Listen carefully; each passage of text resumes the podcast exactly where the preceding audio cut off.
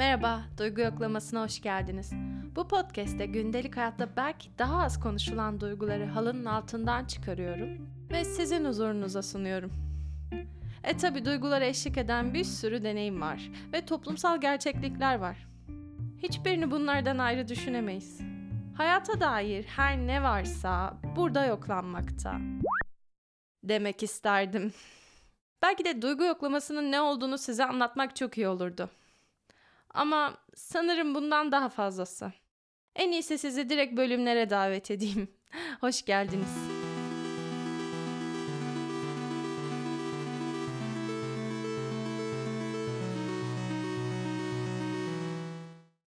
Bugünkü konuyu hazırlamak için aslında kendimi hiç iyi hissetmiyordum. Bir köşemde oturup bekledim. Birileri travma hakkında konuşsun istedim hiç kimseden böyle bir içerik gelmeyince dedim ki o zaman bunları senin kendine söylemeye ihtiyacın var. Birkaç gündür yaşanan bu orman yangınları, canlıların zarar görmesi ya da ölmesi, ağaçların yanması, ormanların yok olması gerçekten gerçekten içinde kalmakta çok zorlandığım bir durum oldu. Sürüngen beynimizin tehdit altındayken bir tehlikeyle karşılaştığında yaptığı üç farklı tepki var. En temelinde savaşmak, kaçmak ya da donmak. Ben çoğunlukla bu tip olaylarda gerçekten idrak etmesi çok güç olan olaylarda, travmatize eden olaylarda çoğunlukla ya kaçıyorum ya da donuyorum. Ne yapacağımı bilemiyorum. Kendimi çok çaresiz hissediyorum. Sanki hiçbir çözüm üretemeyecekmişim gibi geliyor. Hiçbir adım atamayacakmışım gibi geliyor bunun için. Ya da kaçıyorum. Sanki hiç burada yaşamıyormuşum gibi yapıyorum. Bunu çok kez yapmışımdır. Özellikle son bir yılda. Bundan dolayı da aslında suçluluk da duyuyorum. Zaten travma psikolojisinde de böyle bir şey var. Travmadan herhangi bir doğal afetten, bir savaştan, bir çatışmadan sağ bir şekilde kurtulanlar bir suçluluk psikolojisi yaşıyor. Neden ben sağ çıktım diye, neden ben zarar görmedim diye. Aslında bu da mental olarak zarar gördüğümüzün en önemli işaretçisi. Bir taraftan da neden kaçıyorum? Neden bu sorunla yüzleşemiyorum? Neden savaşamıyorum? Neden savaşacak kadar güçlü değilim diye suçluluk duyuyorum. Belki bu konuda yalnız değilimdir. Bu nedenle belki kendimi bu kadar suçlamamam gerekiyordur. Olaylardan kaçtığımda ya da dona kaldığımda, hiçbir tepki veremediğimde, hissizlik yaşadığımda suçluluk duyuyorum. Ve belki de bunun aslında ne kadar normal olduğunu kendime hatırlatmam gerekiyor. Bu yaşadığım duyguların, verdiğim tepkilerin ya da veremediğim tepkilerin. Oldukça zor zamanlardan geçiyoruz. Sosyal medyada yangınlarla alakalı bir sürü içerikle karşılaşıyoruz. Bir sürü görsele maruz kalıyoruz. Tabii ki de haber almamız gerekiyor. Bir şeyler yapmamız gerekiyor. Ben de bunun için aslında bu kaydı yapmak istedim. Biraz olsun savaşabilmek için. Yani savaşmak kelimesi çok hoşuma giden bir kelime değil. İçinde şiddet barındıran bir kelime. Ama savaş, kaç ya da don üçlüsünden birisi olduğu için bunu kullanıyorum. Bana kalsa savaşmak yerine mücadele etmek kelimesini tercih ederim. Öyle söyleyeyim. Ben de bir mücadele aracı olarak burayı kullanıyorum bugün. Çünkü böyle anlarda da yaşadığımız duyguların farkına varmaya ihtiyacımızın olduğunu düşünüyorum. Her ne yaşıyorsak, bu öfke olabilir, korku olabilir, üzüntü olabilir, endişe, suçluluk, dehşet, hepsi olabilir. Ya da hissizlik bile olabilir. Hiçbir şey hissetmeyebiliriz. Yaşadığımız her his şu an için o kadar normal ki. O yüzden bunları da anlamamda fayda var. Bütün gün yataktan çıkmadım. Zaten dün de aşı olmuştum. Aşının yan etkilerini de çok güçlü bir şekilde yaşadım. Ve bütün gün elim telefondaydı. Öyle söyleyebilirim. Acaba ne oluyor? Yangın devam ediyor mu? Bu afet için neler yapılıyor? Kendimi bakmaktan alıkoyamadım. Öyle söyleyeyim. Bir yerden sonra da bedenim ağrımaya başladı. Kolum zaten ağrıyor, başım ağrıyor. Sürekli telefona bakmaktan boynum ağrıyor. Dedim bu böyle gitmez. Bir şeyler yapmam lazım. Çok zordu ama.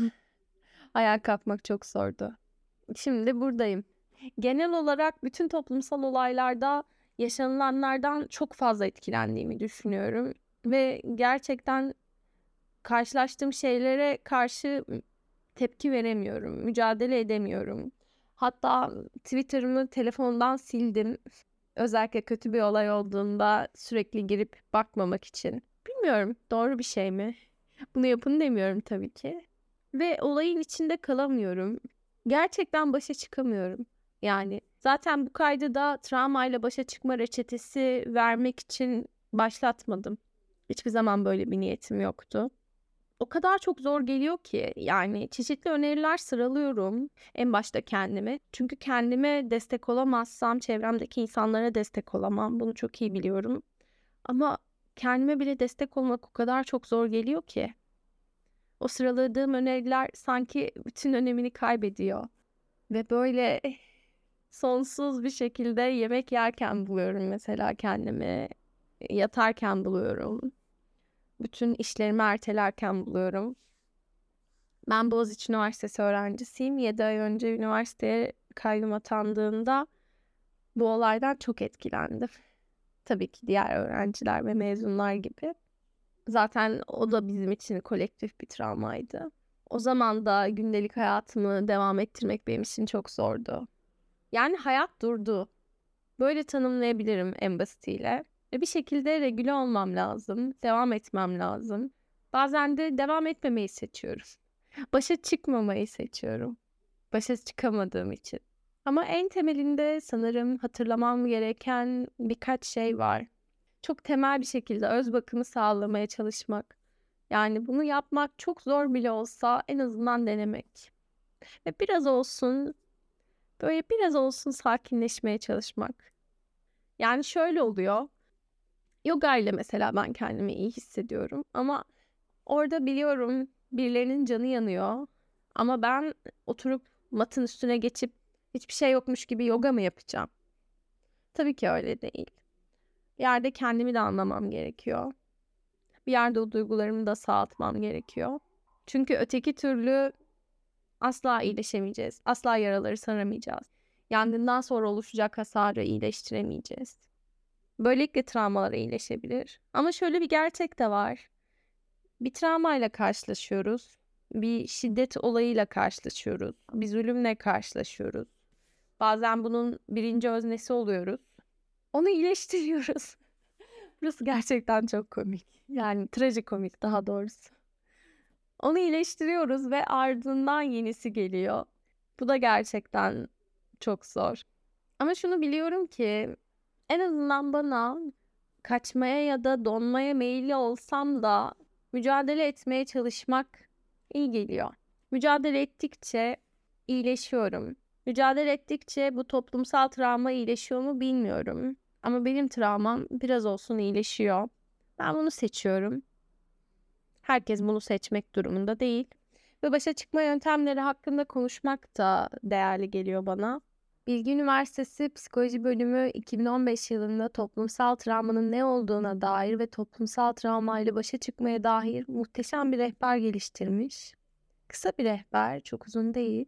Ve bu rehberde belli başlı çok önemli bulduğum maddeler var bu travmayla başa çıkabilmek için. Onları aktarmak istiyorum. Yine temel öz bakıma önem vermek bu noktada çok önemli. Yani yeterli seviyede uyku, yeterli seviyede beslenme ve yeterli seviyede dinlenme duygularımızla baş etmemizi biraz olsun kolaylaştırabilir. Ve travmatik olaylardan sonra olası yaşanılabilecek suçluluk duygusuyla başa çıkabilmek için destek almak ve destek vermenin çok önemli olduğu söylenmiş. Özellikle bizim gibi bu travmayı yaşayan insanlarla iletişime geçmek, sevdiklerimizle bunu konuşmak, sevdiklerimizden destek almak ve sevdiklerimize destek verebilmek, duygularımızı paylaşabilmek bu noktada gerçekten çok önemli. Ve aynı şekilde travmayla başa çıkmak bizim için çok zor bir hale geldiyse profesyonel destek almak Bu noktada çok önemli. Çünkü bizim başa çıkamadığımız noktada profesyonel destek, yani bir psikolojik destekten bahsediyorum. Travmamızın iyileşmesinde gerçekten büyük rol oynayabilir. Ve aynı şekilde yaşadığımız zor duygulardan kaçmak yerine yaşadığımız duygularla bir yerde yüzleşmemiz gerekiyor. Neler yaşadığımızı anlamlandırmaya yardımcı oluyor bu. Ve toplumsal travmalarda sorumluluk almak, çeşitli faaliyetlerde yer almak, bir mücadele içine girmek ve harekete geçtiğimiz için çaresizlik ve umutsuzluk gibi duygulardan biraz olsun uzaklaşabiliriz. Ve bu sayede toplumsal bağlamda yeniden bir güvenli alan oluşturabiliriz. Buna ek olarak kendimizi ifade edebileceğimiz çeşitli alanlar oluşturmanın da önemli olduğu söyleniyor. Çeşitli ilgi alanlarımızla temas ederek kendimizi ifade etmeye çalışmak da bu noktada çok önemli. Travma ile baş edebilmek için. Bu gibi yöntemler sıralanmış. Biliyorum bazen çok zor geliyor. Bana da çok zor geliyor. Hiçbirini uygulamak istemiyorum. Ama biraz olsun deniyorum. Bu kayıtta da bunu denedim. Ve kendim de bir madde daha eklemek istiyorum. Özellikle sosyal medyada tetikleyici olabilecek içerikleri paylaşırken ya tetikleyici uyarısı vermemiz gerek ya da o paylaşımı yapmamamız gerek. Herhangi bir canlının fiziksel bütünlüğünün bozulduğu fotoğraflar, yanmış hayvan fotoğrafları, yanmış ev fotoğrafları, hatta benim için yanmış ağaç fotoğrafları bile tetikleyici olabiliyor. Yani yangının kendisi zaten tetikleyici değil mi? Bu nedenle tetikleyici görseller paylaşırken bu uyarıyı yapmamız gerektiğini düşünüyorum. Ve bu sayede hem kendimize hem de başkalarını gözetmiş oluruz. Buna da özen göstermemiz gerektiğini düşünüyorum. Biraz kendi konseptimin dışında bir bölüm oldu. Ve bir taraftan da bunun ihtiyacını duydum ve bu bölümü kaydettim. Umuyorum ki bir sonraki bölümde daha güzel konulardan konuşurum. Güzel haberler almayı ümit ediyorum. Kendine çok iyi bak. Bir sonraki bölümde görüşürüz.